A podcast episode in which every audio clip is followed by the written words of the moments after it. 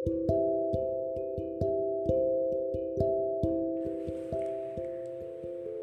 everyone, gimana kabar kalian minggu ini? Banyak sedihnya atau lebih banyak kabar baik? Capek ya?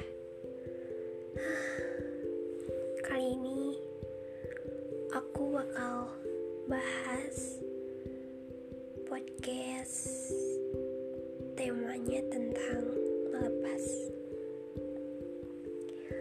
Dulu saya pernah berjuang mati-matian untuk mempertahankan, tapi ia malah mati-matian menyia-nyiakan.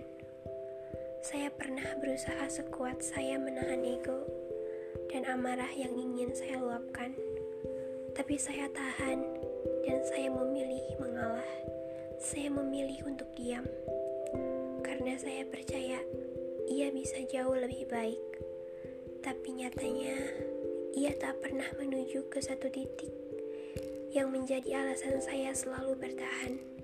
Ia tak berjalan ke sana, tapi justru saya yang dengan langkah berat perlahan menuju ke ujung titik terlemah, yaitu menyerah. Dan pada akhirnya, saya menyerah. Bukan karena saya sudah tidak mau lagi berjuang, tapi saya terlalu rapuh untuk berdiri sendiri, mempertahankan pondasi yang selalu mati-matian saya pertahankan sendiri agar tak runtuh. Saya sudah hancur. Terima kasih.